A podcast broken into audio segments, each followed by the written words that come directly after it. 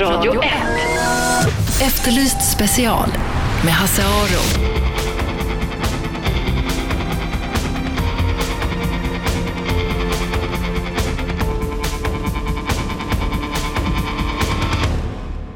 Ja, välkomna hit Efterlyst special. Det är fredag och då brukar jag ha en fredagsgäst och det har jag även denna fredag. Tove Alsterdal är här. Tove Alsterdal som faktiskt eh, påminner mig om att vi var kollegor en gång i tiden.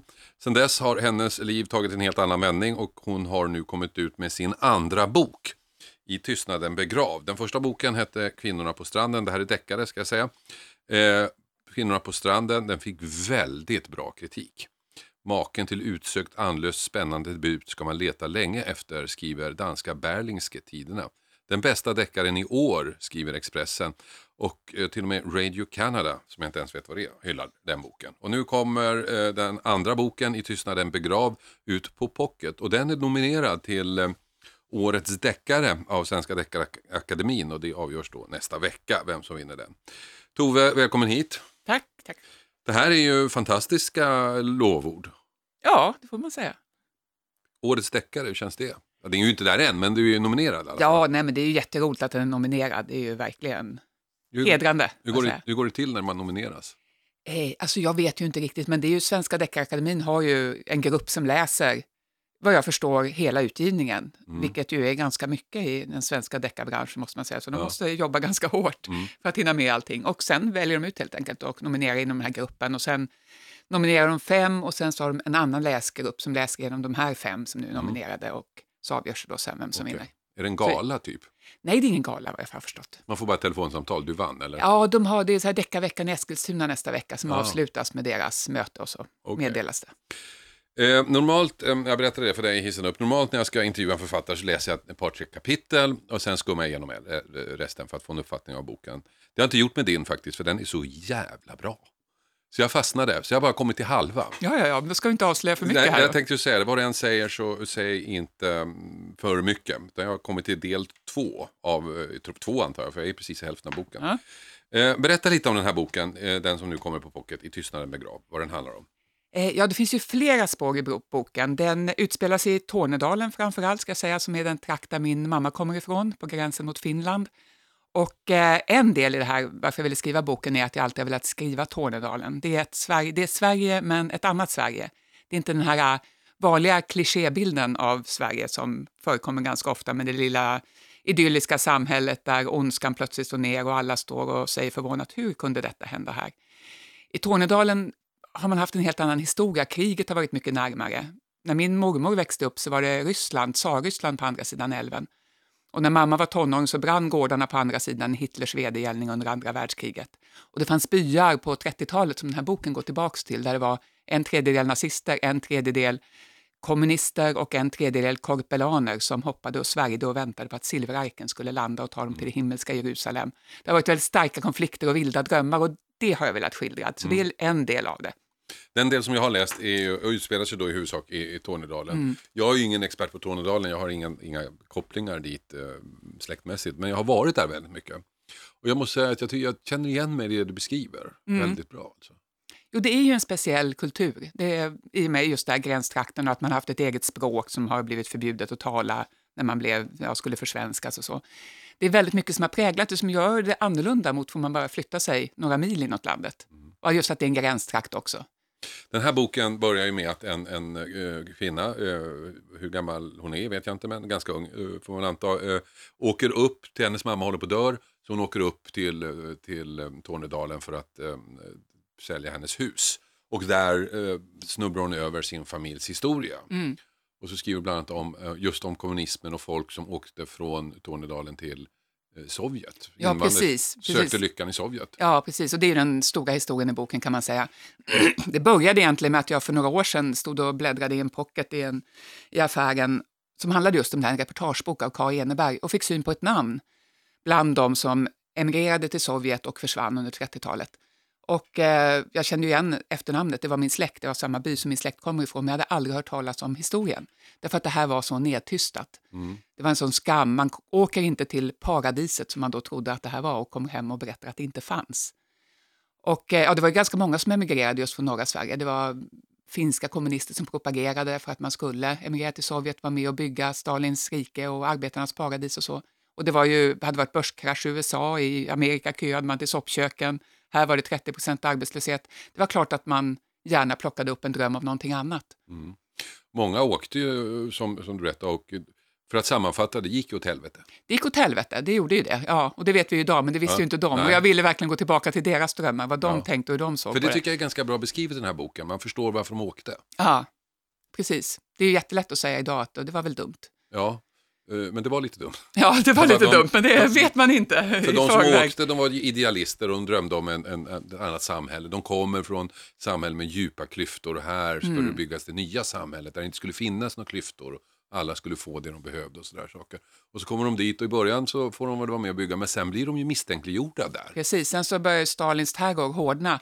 Och eh, dels blev utlänningar ju väldigt misstänkliggjorda, vilket faktiskt alltid händer i hårda tider, även här. Och även på, ja, i stort sett överallt på jorden. Så fort det hårdnar så börjar man smutskasta utlänningar. Och det gjorde man där också, men då var det ju svenskarna som var utlänningar och finnarna. Och misstänkliggjorda. Och eh, man skulle, det höll ju på att rustas i Europa. Andra världskriget var i antågande sakta men säkert och så. Så att det, ja, terrorn hårdnade ju kort sagt och väldigt många blev orättvist anklagade för att vara spioner eller statsfiender och skickades till arbetsläger eller avrättades. Och många återvände ju hem också, han ju återvända hem till Sverige, men då som sagt teg ofta resten av sina liv om det här. Så det var inte förrän på 70-80-talet, där- när de var väldigt gamla, de som hade varit där, som historierna började berättas lite grann. Eh, du, nu handlar inte boken bara om det här, det ska, det, men jag tyckte det var väldigt intressant och bra, bra, bra skildrat, den här delen av, av svensk historia. Boken utspelar sig i nutid och som alla de här eh, deckarna så är det ju ett mord. Ja, precis. måste man ju ha. ja, men måste precis. ju börja där med ett mord. Det måste ju jag, det är ju det som förenar deckarna, även om de kan vara väldigt olika annars. Men hur mycket, mycket research har du gjort? Eh, Jag gör väldigt mycket research. I stort sett allting researchar jag. Jag vill att det ska, det är ju fiktion, men jag vill att det ska vara så trovärdigt och ligga så nära sanningen att man känner att det här faktiskt händer på riktigt och har hänt på riktigt. Så till exempel de här äh, Sovjetberättelserna och det som också utspelas i det moderna Ryssland, det har jag researchat oerhört noggrant. Och eh, jag utgår ofta från verkligheten i mina idéer också. Som sagt, det här var en släkthistoria som jag har gjort om väldigt mycket, men det finns i botten. Och det här mordet på den här skid, en skidstjärna som begås i början, en av de här äh, 30-40-talets stora skidstjärnor, då var ju Sverige fullkomligt ledande inom längdskidåkningen. För vi hade de här männen från skogarna i norr som skidade två mil till jobbet och två mil tillbaka hem igen. Och satte man ut dem i spåren så sopade de banan med De alla tränar, andra. de tränar inte ens. Utan det Nej, var nej, liksom- nej, det var ju liksom, nej, det fanns ju inga träningsläger och skidskolor och sånt där Nej. dravel. Det, nej, nej, nej, utan det var bara ut och åka. Och norrmännen hade liksom inte rest sig riktigt där efter krig och sådär än.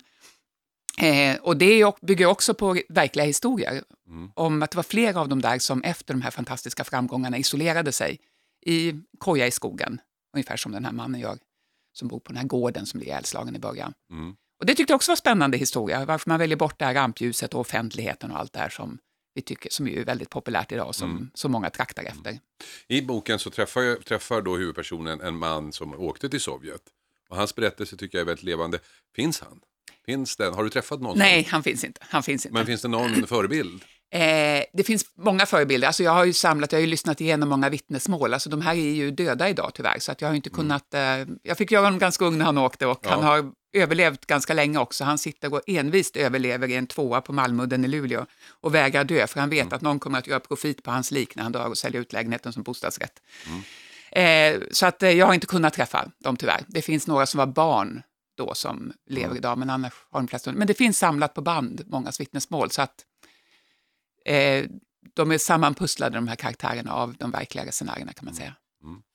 Eh, ni lyssnar på Efterlyst special. Det är fredag, jag har fredagsgäst. Idag Tove Alsterdal, eh, författare som har skrivit två stycken böcker, eh, Kvinnorna på stranden, som jag inte har läst men som fick väldigt bra kritik. Och sen den som nu kommer i pocket, I tystnaden begravd, nominerad till Årets deckare av Svenska Deckarakademin. Den håller jag på att läsa.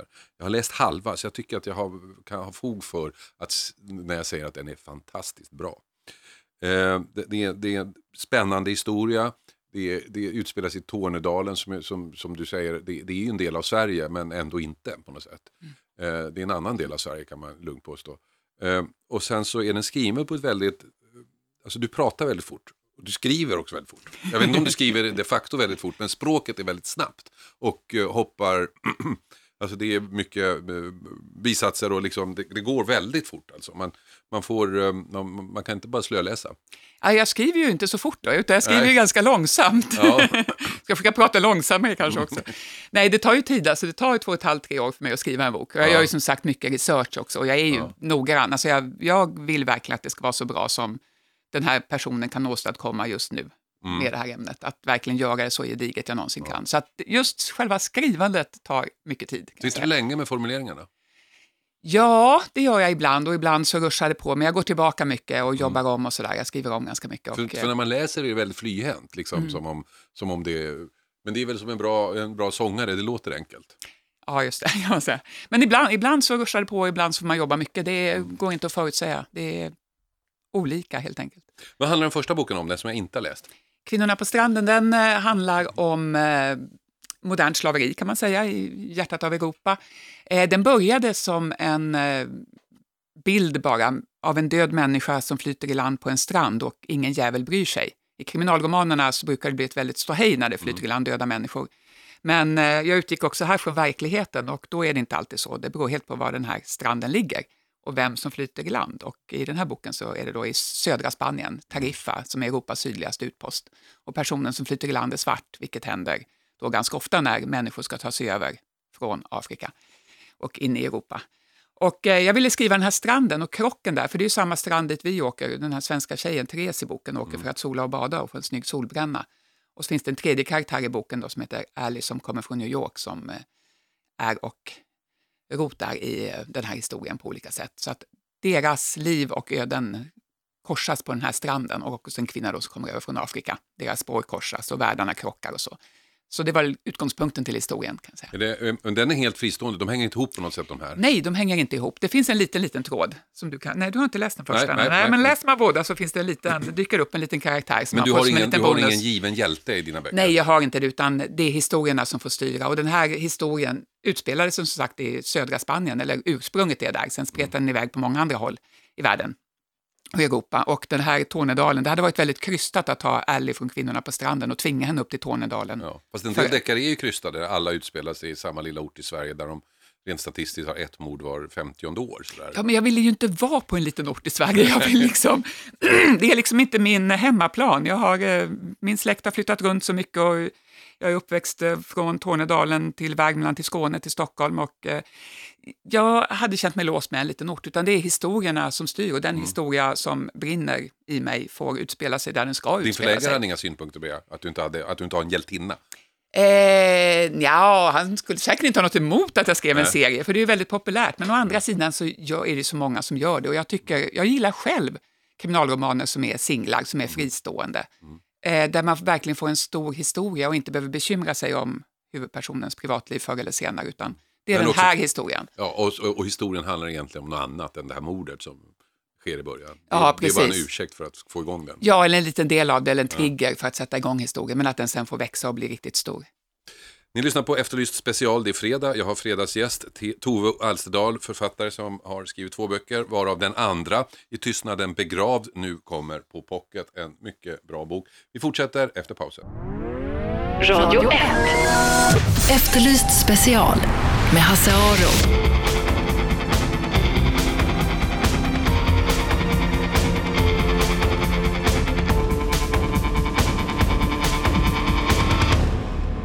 Välkomna tillbaka, Efterlyst special lyssnar ni på. Det är fredag, det innebär fredagsgäst oftast och eh, så även idag. Tove Alsterdal, författare, är här, deckarförfattare. Eh, kan man säga. Jag tycker att det, i det här fallet så tycker jag att det är kanske lite begränsande, men det är eh, spännande böcker med deckarintrig, men de berättar också andra historier, eller den som jag läser nu, eh, I tystnaden begravd, den berättar också andra historier än bara en ren mordhistoria. Den utspelar sig i Tornedalen och du berättade Tove att du, du har rötter i, to, i Tornedalen. Ja, det har jag. Min mamma kommer därifrån, så jag är inte själv uppvuxen där, men jag har alltid haft nära kontakt. Tornedalska rötter är väldigt starka. En sån här släkt som man vet att om någon är gravid så vet man det samma ögonblick som de kommer ut från apoteket, så har Ja. det spridit sig. Och jag har ju varit där alla somrar och så. Men jag har inte fått med mig språket till exempel, Nej, jag är själv inte uppvuxen där. Så att, eh, det är en del av min bakgrund kan man säga, men jag som jag har velat eh, nysta lite djupare i. Pratar du finska? Nej, jag gör inte det, tyvärr. Nej. tyvärr. Det är en del finska i din bok, då har du fått hjälp. Jag har fått hjälp av släkten. Ja. Ja. precis. Tycker att det, om man är från Tornedalen, skriver en bok om Tornedalen, gör research i Tornedalen, är det då begränsande att inte prata finska? Eh, nja, inte, inte jättemycket, men det finns ju, alltså det är ju någonting med när man inte får med sig språket som är, man har inte riktigt, riktigt tillgång till eh, känslorna, till kulturen. Alltså det finns ju någonting i historien och det människor för vidare som ligger i språket väldigt starkt och där jag känner en begränsning verkligen. Eh, så att jag skulle ju väldigt gärna ha velat kunna språket, men när min mamma stack när hon var 17, det var ett språk som ingen tyckte var värt något då, man var förbjuden att prata det. Det fanns ju ingen anledning att föra det vidare. Sen har det upprättats på modernt, modern tid, numera så försöker man ju hålla det vid liv. Nej, så det är synd, det finns, en, det finns en begränsning i det. Jag tycker det är tråkigt att jag inte kan, men jag har ju god hjälp. Jag har en stor släkt som hjälper mig att snacka när det behövs. För att eh, det var någon på radion som sa något klokt, att hemlandet bor i språket. Ja, det gör det. Det språk som man talar, det, är- det är den, den kultur man tillhör. Ja, det gör ju det någonstans. Ja och nej, för man eh, kan ju tillhöra kulturen utan att Ja, det kan man göra. språket också, Absolut, men liksom, eh, den här, eh, Ja. ja, identi- språket gör mycket för identiteten. Ja, Eh, Vi, vi sprang på varandra på en förlagsfest här om sisten. Och då berättade du att vi hade jobbat ihop och det jag i Tyskland. Men eh, nu har vi pratat om det och du var med när vi började med eh, tv, kommersiell tv. Och Mm. du, du var bland annat med i Köpenhamn när vi jobbade med Robban Aschberg och gjorde Diskutabelt Mm. om Christiania. ja det var tidigare. Berätta, vad kommer du ihåg om det? Jag kommer ihåg om det. Ja, det. Jag kommer ihåg den sändningen var en oerhört kaosartad sändning. Det var, ja, precis. Man röktes allt möjligt i salongen där man inte fick röka och sådär. Eh, alltså jag försökte tänka efter nu när vi började prata om det innan här och man har så fragmentariska minnen. Jag kommer ihåg Mm. någon sändning om aids också. Det här var väl på slutet på 80-talet kan det ha varit det? Nej, det det är varit. nog lite senare. Lite senare kanske, början av 90-tal. 90-talet. det Ja, jag. precis. Nej, men det är också en sån här helt, eh, väldigt länge sedan känns det, Ja. en annan värld. Ja, Christiana var ju, Ro- Robban gjorde ett program som hette Diskutabelt som var ett eh, minst sagt annorlunda debattprogram kan man säga. Och då åkte vi ner till Danmark, skulle göra Christiania och publiken bestod då av christianiter. Och det var minst sagt rörigt, det var ju och lite oroligt så här. Man var lite, vad Mm. Det händer var nu? poliser och sådär Ja, också där ja. har jag för mig. Ja, och det var lite möjligt. sådär, men det, det hela utvecklade sig till en ganska trevlig tillställning. Fullständigt obegripligt alltihopa, men det var roligt. Det är en av de roligaste minnen jag har kvar. Ja, eh, jag stannade ju kvar då i tv-branschen och eh, fortsatte med, med det som jag gjorde sen. Men du gick vidare, vad hände med dig? Eh, Jag gick vidare, jag jobbade som journalist eh, länge och gör någon gång ibland fortfarande, men sen började jag faktiskt skriva manus för teater. Mm. Och eh, jag vet inte, grunden i det till att jag mer och, ja, mer och mer lämnade journalistiken, det var väl en slags otillfredsställelse i att det, jag jobbade med nyheter och det var väldigt roligt och jag älskar nyheter och eh, samhällsbevakning och så, jag tycker det är jättespännande, men det kändes ändå ytligt att man inte riktigt kommer åt sanningen. Man berättar ena sidan, man berättar den andra sidan och så kör man ut det och nästa dag är det en annan historia. Och jag hade ett behov av att försöka gräva djupare och att försöka se saker på ett djupare mänskligt plan någonstans. Så jag började med att skriva dramatik och sen skrivit manus för teater och Men film och att radio. jag, jag, börjar skriva dramatik, det är ju inte bara börja, man kan sätta sig ner och skriva. Det kan man göra, men att få det placerat någonstans. Det Ja, jag började, jag började med en fri, jobba ihop med en fri teatergrupp uppe i Luleå där jag bodde då. Mm. Så så började jag och sen så är det ena det andra och så ja, började kontakter med radion där uppe och började skriva, Mm. skrev en julkalender bland annat för radion. Och, ja, sen skrivit för teatrar och så, ja, man fortsätter, man jobbar på helt enkelt och så träffar man en ny människa som är intresserad av att jobba ihop och så gör man det. En av du, du, de som du träffade på vägen och jobbade ihop med var Lisa Marklund. Ja, vi träffades redan på journalistutbildningen i Kalix 1984 och har jobbat ihop sedan dess Ja. på alla möjliga sätt. Du har varit redaktör för hennes böcker. Ja, jag är fortfarande Ja, i presens, jajamän. Jaha. Ja. Eh, eh, ja, det låter konstigt. Men vi ska skippa det så länge. Så. Ja. Hur, men vad innebär det att vara redaktör? Nej, jag läser, det, jag, eh, vi, egentligen vi jobbar lite speciellt för att vara bokbranschen. Vi diskuterar idéerna redan på idéstadiet, redan innan boken finns, redan innan man börjar läsa. I vanliga fall kommer redaktören ofta innan boken är klar eller halvklar eller så. Men vi drar historierna för varandra och eh, diskuterar och ifrågasätter. Jaha, varför gör Annika Bengtsson så? Och sen så diskuterar man det för att testa idéerna och för att tvingas utveckla dem och så. Och sen så läser jag efterhand som hon skriver och hon gör detsamma med mig också. Så att det är, Men vad, vad har du lärt av det?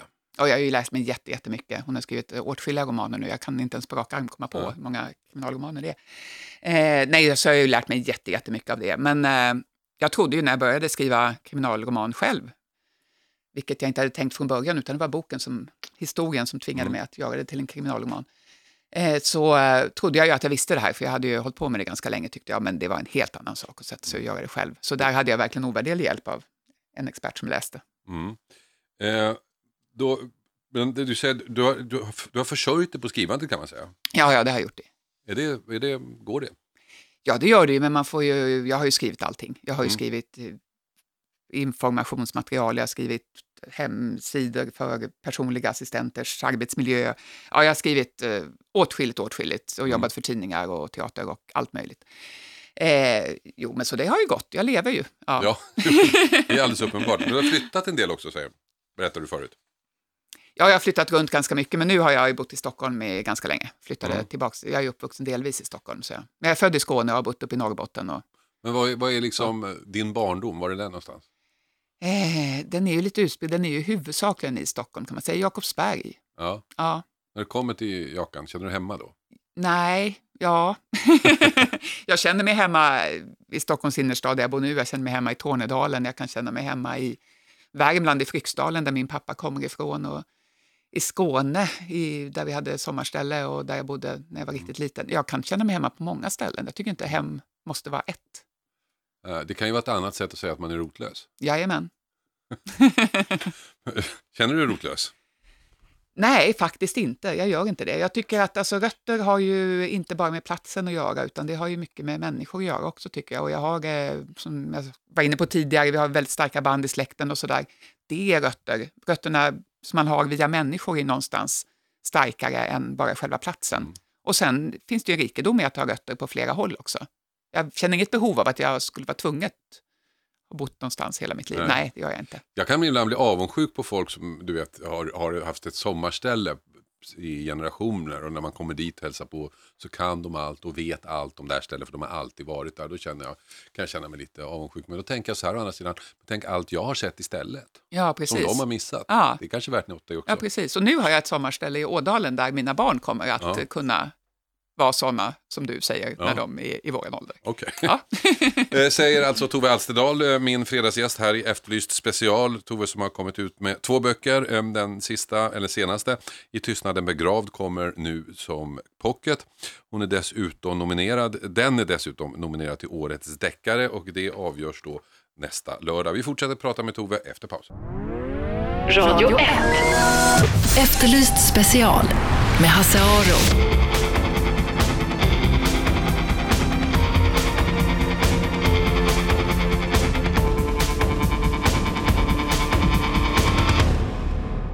Välkomna tillbaka till Efterlyst special fredag. Jag har min fredagsgäst Tove Alsterdal här. Tove som har gett ut två böcker hittills. Eh, två kriminalromaner kan man säga. Den senaste I tystnaden begravd har eh, nu precis kommit ut på Pocket.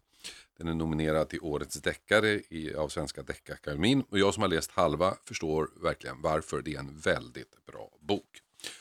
Och Tove, eh, jag har ju läst då eh, massa deckare då i det här jobbet. Jag ska träffa folk och intervjua och sånt där. Och, och, och när man läser deckare, jag har ju liksom som alla människor i min besits liksom så här författarambitioner. Och så när man läser deckare, eh, ibland, ganska ofta så tänker man det här var ju inte så jävla svårt, det här kan man väl få ur sig. Och så kommer du.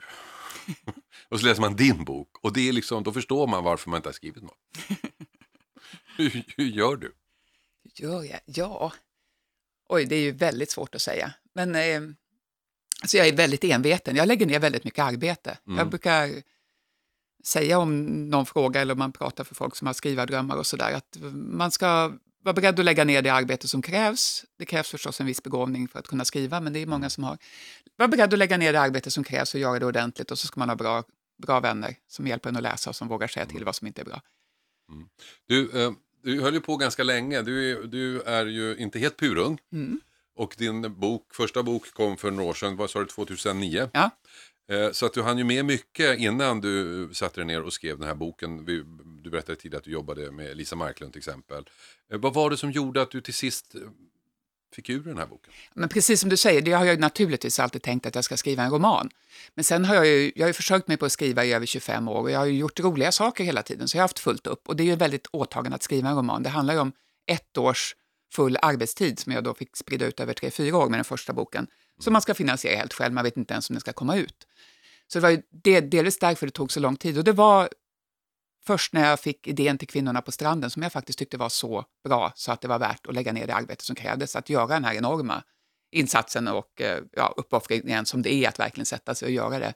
Och göra det tillräckligt bra, att jobba tills det är så bra så att jag verkligen tycker att det Men håller. vad var det med den idén då? För du har förmodligen haft tusen andra idéer. Ja. Vad var det med den idén som gjorde att du kände att här, här är den?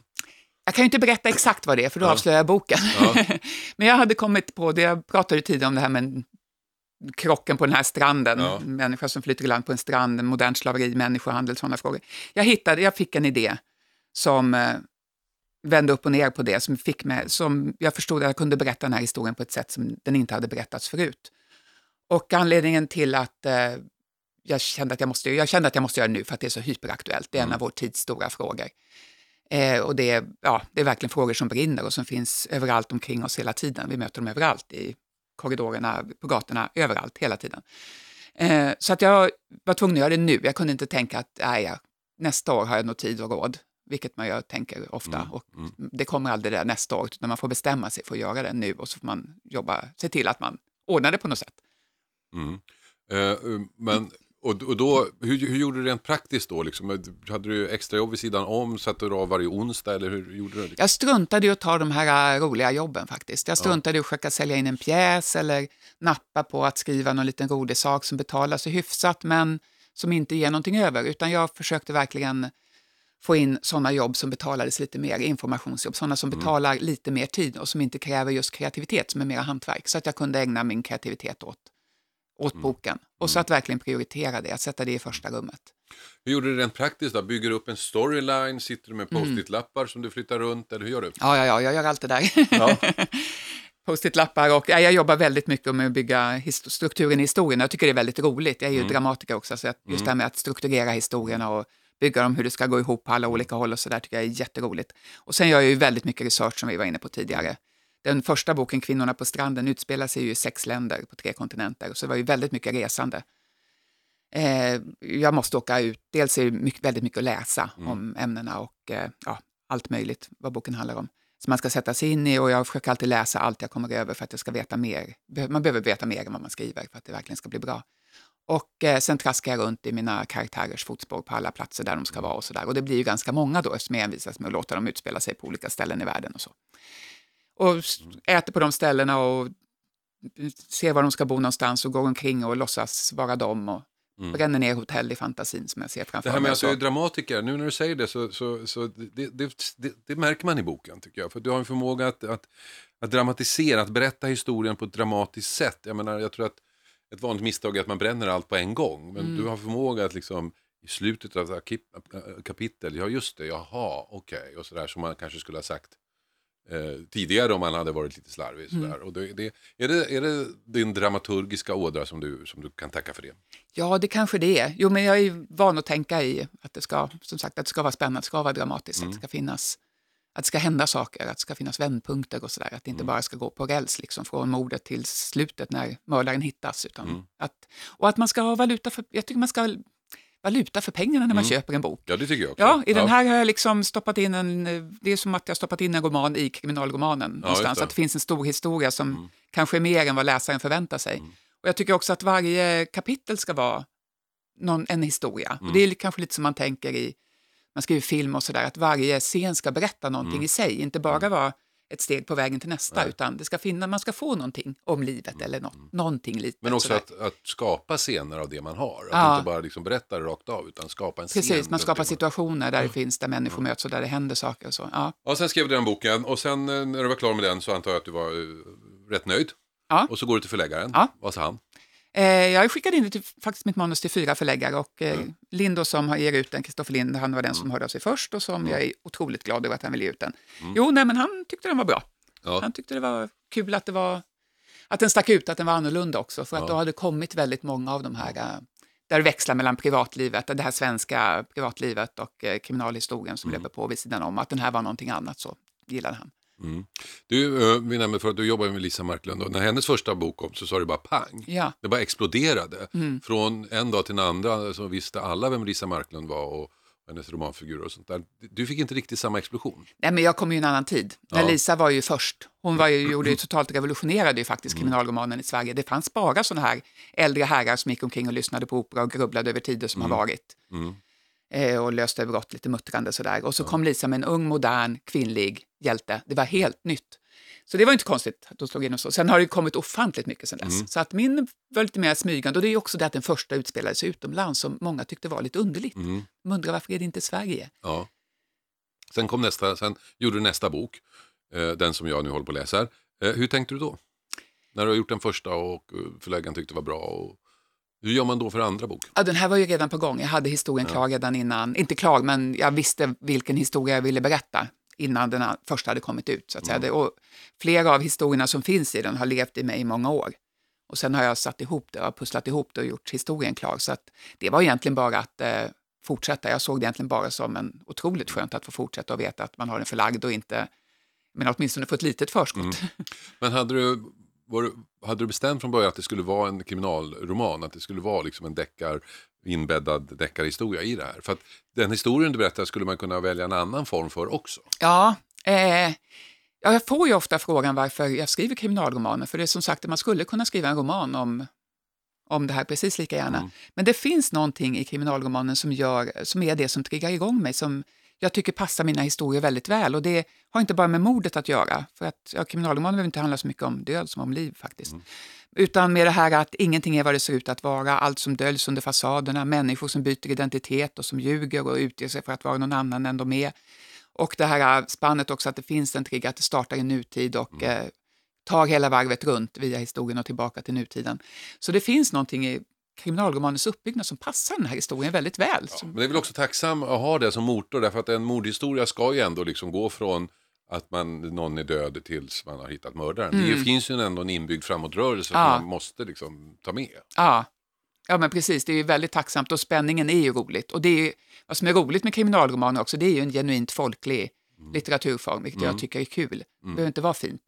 Nu har det ju, nu har det ju då, det här har exploderat då sen Lisa Marklund, hon startade det här och sen, så, sen så är det ju massor med, med eh, ja, kvinnor framförallt som skriver och alla är deckardrottningar idag.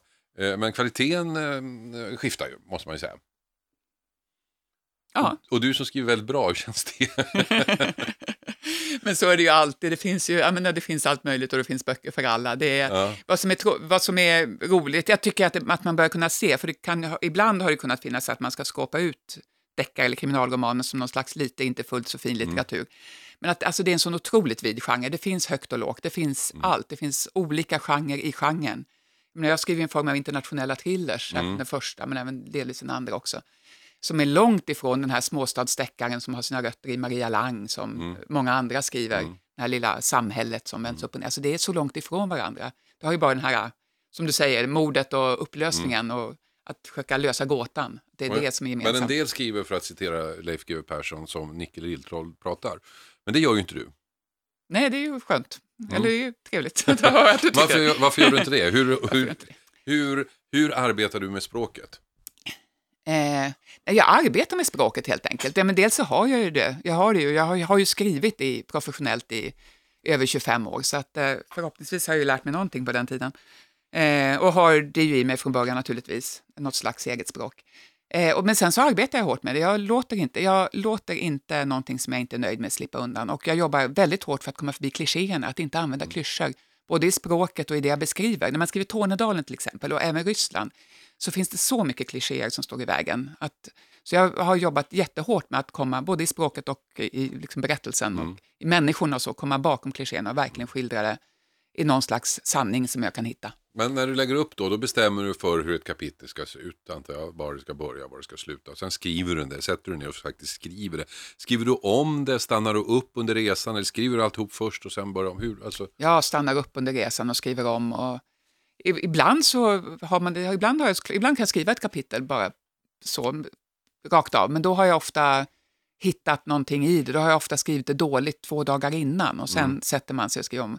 Alltså det är ju bara, det är bara, bara arbete. Man sätter sig och skriver och sen så kommer det. Och den dagen kanske det blir skitdåligt. Men när man har hållit på tillräckligt länge så vet man att det måste bli skitdåligt idag för att det ska bli bra imorgon. Men jag skriver om mycket och går tillbaka och håller på. Så skriver jag, när jag skrivit hela boken, halva boken, så går jag tillbaka och skriver om igen och så. Så att jag jobbar jättemycket så. Det låter ju jättejobbigt. Ja, ja, det är jättejobbigt. Det är fruktansvärt jobbigt. Jag förstår inte att det är så många som orkar skriva böcker. Nej. Det är verkligen jobbigt. Eh, Jag råkade sitta bredvid GV en gång när, han, eh, när vi började jobba ihop. Då han, hade, han släppte ju tre böcker på 70-talet, sen släpp, hade han inte skrivit något på länge.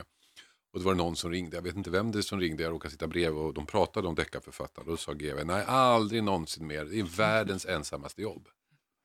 Ja, jag tycker inte att det är så ensamt, vilket är väldigt skönt. Men det har ju det här med att Lisa Marklund och jag, att vi hela tiden bollar och att vi är så djupt inne i varandras historia. Så jag kan, när jag kör fast eller eh, inte tycker att något är riktigt bra så kan jag ringa till henne och så kan man diskutera vad den här personen gör nu. Och så kan vi göra båda två och det är otroligt skönt. Så att jag är aldrig riktigt ensam om min text faktiskt. Så det är jätteskönt. Sen är det klart att man sitter mycket själv och sliter, men det är rätt skönt också att inte alltid ha folk omkring sig. Det säger Tove Alsterdal, författare, som eh, är min fredagsgäst. Eh, detta med anledning av att för det första hon skriver jävligt bra, för det andra att hennes senaste bok I tystnaden begravd nu kommer på pocket. Och för det tredje för att hon är nominerad till Årets deckare, någonting som avgörs om en vecka. Vi ska fortsätta prata med Tove efter pausen. Radio 1. Efterlyst special med Hasse Aro.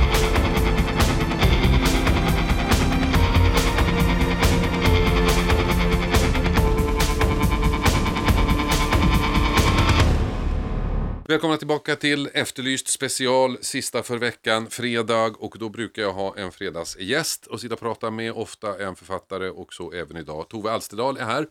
Tove som har skrivit två böcker, Kvinnorna på stranden och I tystnaden begravd. Den senare kommer nu på, eller har precis kommit som deckare, eller som pocket heter det. Den är också nominerad till Årets deckare av Svenska Deckarakademin. Tove eh, påminner mig när vi träffades häromsistens att vi faktiskt är gamla kollegor. Men där jag fortsatte i tv-branschen så började hon med skrivandet på heltid. Tove, eh, den här boken då som I tystnaden begravd, den har ju eh, fått ett väldigt bra mottagande. Eh, nu kommer den på pocket, kommer förmodligen sälja en del. Du har blivit nominerad till Årets deckare och du åker runt antar jag och pratar om den här och signerar och sånt där. Men när, när man har skrivit en bok som du har gjort och den har kommit ut, är man klar med den då? Eller hur känns det? Liksom? Ja, jag är faktiskt klar med den. Eh, fast jag tycker det är väldigt roligt att prata om den här boken för att det, jag är ju engagerad i historierna som finns i den. Eh, men eh, man känner sig ganska färdig med den faktiskt. Det var någon, det, ofta så kom, säger folk att det måste vara som eh, en bebis ungefär, men det är faktiskt precis tvärtom. För när den väl kommer ut så är man ganska färdig med den och det är man ju inte med bebisar förhoppningsvis, utan det fortsätter Tvärtom. ganska länge. Ja, precis, fortsätter livstid. Så det är tvärtom kan jag säga. Ja. Nej, jag tycker att man är ja, ganska färdig med den och Ja. nöjd och ja, det här är vad det blev. Men du sa att du hade haft den här historien, den hade du funderat på olika eh, former under årens lopp. När den sen blev nedskriven, blev den då som du tänkte dig? Nej, det blev det. Ja, i grunden så finns det väl någon slags eh, känsla för vad det var jag ville komma åt, men eh, det förändras jättemycket under, under arbetets gång. Det är ju jättemycket som man har, man har diffusa idéer i huvudet. Jag hade tänkt beskriva det här 30-talet på ett helt annat sätt som inte alls funkade i form. Jag fick göra det i en annan form helt enkelt, men grunden i historien finns ju kvar så att säga. Men det, nej, det förändras mycket. Eh, eh, säljer den bra? Ja, den säljer bra. Ja, Ja. vad roligt. Ja. Mm. Kan, du leva, kan du leva på det här? Eh, ja, jag gör fortfarande en, en del andra jobb och det har Ja. väl både med pengar att göra, att jag tycker det är, du nämnde innan här om det här med ensamheten, det är klart att det är roligt att jobba i projekt där man är, jobbar tillsammans med andra helt och hållet ibland. Eh, så jag, ibland så gör jag sådana manusjobb och sånt som jag har hållit på med tidigare. Eh, nej, men ja, ja, jag kan väl i stort sett leva på det här snart. Är det, men är det, är det så att den, nu är den här historien klar och berättar, Mm. är du klar nu också? Är det det här du blev när du blev stor? Eh, Författare? Alltså ibland kan jag ju tänka att man kanske skulle bli någonting annat också sen, jag vet inte riktigt. Det, är ju, det här är ju fantastiskt att kunna skriva böcker, det är ju det ultimata någonstans när man är en skrivande människa, att kunna skriva romaner Mm. och kunna leva på det. Men eh, jag vet faktiskt inte, jag skulle också vilja bli utrikesminister kanske. Jaha, så där. Nej, ja, kanske inte just det, men, nej, men no, ja, jag vet inte. Minister, jag vet inte, det är så Säkert. kul att vara Nej, jag minister. tror inte det. Jag Nej, tror inte det. Alltså, nej, man kommer ju till det att det här är ju ett drömjobb. Jag, jag bestämmer allting själv. Det är fantastiskt. Min, min, min, min framtidsdröm är att jag eh, någon gång i framtiden här nu eh, pensionerar mig, tar ut kanske 40% av min pension och så tar jag jobb som reseledare på Mallorca. Mm. Som vingresor och går omkring i en sån här skjorta och hjälper folk. Vad tror du om det? Eh, ja. En ungdomsdröm som jag hade. Jag ja, jag att förstår. Reseledare. dess har man eh, sett lite, så jag Ja. vet inte om det är ett drömjobb. Nej, det kanske inte. ja. Jag var på mitt livs första charterresa förra året faktiskt. Mm. Du, eh, har du något nytt projekt på gång? ja, jag håller förstås på med nästa bok och skissa på den. Jag sa just när jag var på förlaget, men jag kommer aldrig någonsin skriva en bok på mindre än två och ett halvt år. Det är Nej. bestämt. Det blir inget spotta ur sig om året här inte. Nej. Men jag håller på att skissa på nästa och eh, har börjat researcha lite och så och ska börja skriva efter jul. Så den ska komma om Mm. ett tag. Eh, varför tar det två och ett halvt år? Nej, men dels så gör jag mycket research Mm. eh, och eh, jobbar mycket med att eh, jobba fram historien, vad den ska vara. Mm. Läsa in mig och eh, pussla om Men när den du gör research, då måste vi ändå ha bestämt dig för hur historien ser ut. För Mm. Jag att veta vad det är du ska researcha. Jag börjar med att göra en eh, lite så här ytlig research, vid research, i alla de ämnen och de idéer som jag har. Mm. För att se hur det hänger ihop och var den ska utspela sig och exakt hur. Och då får, man fram, får jag fram mycket som ger mig idéer till hur romanen ska bli. Och sen gör jag en skiss på, har jag en skissen och så börjar jag skriva och sen fortsätter jag researcha på djupet under arbetets gång. Och verkligen gå in ordentligt i det. Och så. Den första boken utspelar sig har du i sex länder. Ja. Den andra är bara två faktiskt. Ja, ja, precis. Ja. Men då var det det ena landet är Ryssland och Ja, då Sovjetunionen, så det är inte så bara. Det Nej. motsvarar sex länder Jag förstår. Och den Att ny- sätta sig in i. Är den nya då? Är det bara ett land då? Eller? Nej då, nej då. Den utspelar sig i Jakobsberg faktiskt, där jag är uppvuxen. Och, eh, Men eh, sen går den trådar bland annat till eh, Latinamerika, till Argentina. Okej, eh, jag förstår. Mm. Så gissar jag att det är någon som flydde något politiskt förtryck på 70-talet i Argentina. ja, det kan finnas sånt där. Och så finns det lite trådar. Ja, precis. Förmodligen har någon ung människa. Ja, det är mycket så här uppbrott och så där i mina böcker och flytta hit och flytta dit och sånt. Vad tycker du om, om deckarundret, det svenska deckarundret? Ja, alltså en sak som jag tycker det är att man börjar bli lite trött på att prata om det. Ja. Faktiskt. Jag tänkt, tänkte på det när jag och nu kommer han att fråga Ja. varför eh, har svenska kriminalromaner blivit så stora i världen? Ja. Och så känner man att de här svaren börjar bli lite tjatiga. Nej, men det är fantastiskt roligt. Jag är oerhört tacksam mot Stig Larsson och alla andra som har banat väg så att min första kunde säljas till nio länder snabbt. Så att de är intresserade ute i världen, det är helt fantastiskt. Eh, sen kan man ju hålla på och analysera det här. Men handlar det inte lite grann om professionalisering av, av eh, bokbranschen? Att det är liksom agenter som, som jobbar professionellt och får ut böcker? Ja, det här har ju gått hand i hand, så det är väl Ja. kanske både och. Att de har, vi har blivit duktigare på att sälja våra Mm. böcker, eller vi har folk som har blivit duktiga på att sälja dem. Men också det här att det faktiskt har blivit, man fick upp ögonen för de svenska kriminalromanerna i utlandet och sen vill man ha mer av det. Skriver och vi bättre deckare idag än förut tycker du i Sverige? Oj, oj, oj. Alltså, jag, det är så väldigt svårt att svara på de där frågorna. För att bara för att jag själv skriver kriminalromaner så innebär inte att jag läser så mycket. Jag läste Nej. väldigt mycket tidigare av vad Ja. som kom ut i Sverige, men nu läser jag inte jättemycket svenska kriminalromaner. Jag läser väldigt mycket annan litteratur och svenska romaner och eh, utländska kriminalromaner, allt möjligt annat. Så att det är svårt att sitta och analysera som någon slags expert så, men det kommer ut väldigt mycket bra idag, absolut. Väldigt, Mm. väldigt mycket bra kriminallitteratur i Sverige. Så att det är välförtjänt tycker jag att det går bra utomlands. Jag hade en annan författarinna här, Susanne Staun från eh, Ja. Danmark. Eh, vi fick steka den för hon förstod inte vad jag sa och så. Men i alla fall, hon var här och vi pratade om det och hon, Hon skriver väldigt bra böcker. hon skriver jättebra, böcker. Jättebra, Hennes, ja. hennes eh, nya, kommer jag inte ihåg vad den hette, eller hennes första på svenska, Mm. kommer inte ihåg vad den heter faktiskt. Susanne. Staun, väldigt bra bok kan jag rekommendera. Men hon berättar ju då att det, det är väldigt mycket svenskar som ges ut i, i Danmark. Mm. Men väldigt få danskar i Sverige. Ja, vi är ju lite introverta i Sverige då istället. Ja. Och det är samma, norrmännen har jättesvårt att komma ut i Sverige nu. Det är en och annan Jo Nesbø och Ja. sådär, men det är jättemånga norska nya kriminalförfattare som inte kommer ut Ja. här. Att vi är, men vi är väl också väldigt upptagna med oss själva. Det, vi har ju nog med att försöka hinna läsa. Fast det funkar ju på tv. Danska deckare går ju. Ja, ja, på, alltså, tv-deckare Ja. går ju väldigt bra. Ja. Man får hoppas, jag hoppas att, hennes bok, bok går bra tycker jag faktiskt. För den var väldigt bra. Hoppas att din, din, dina böcker, din nya bok och den här som jag har läst går bra. Eh, den heter alltså I tystnaden begravd. Jag håller på att läsa den, jag har läst halva. Nåde den som mässar en mejlar mig och berättar hur det går för den här ska jag läsa ordentligt och jag kan verkligen rekommendera den till alla. Tack Tove för att du kom hit. Tack. Det var trevligt att ha det här.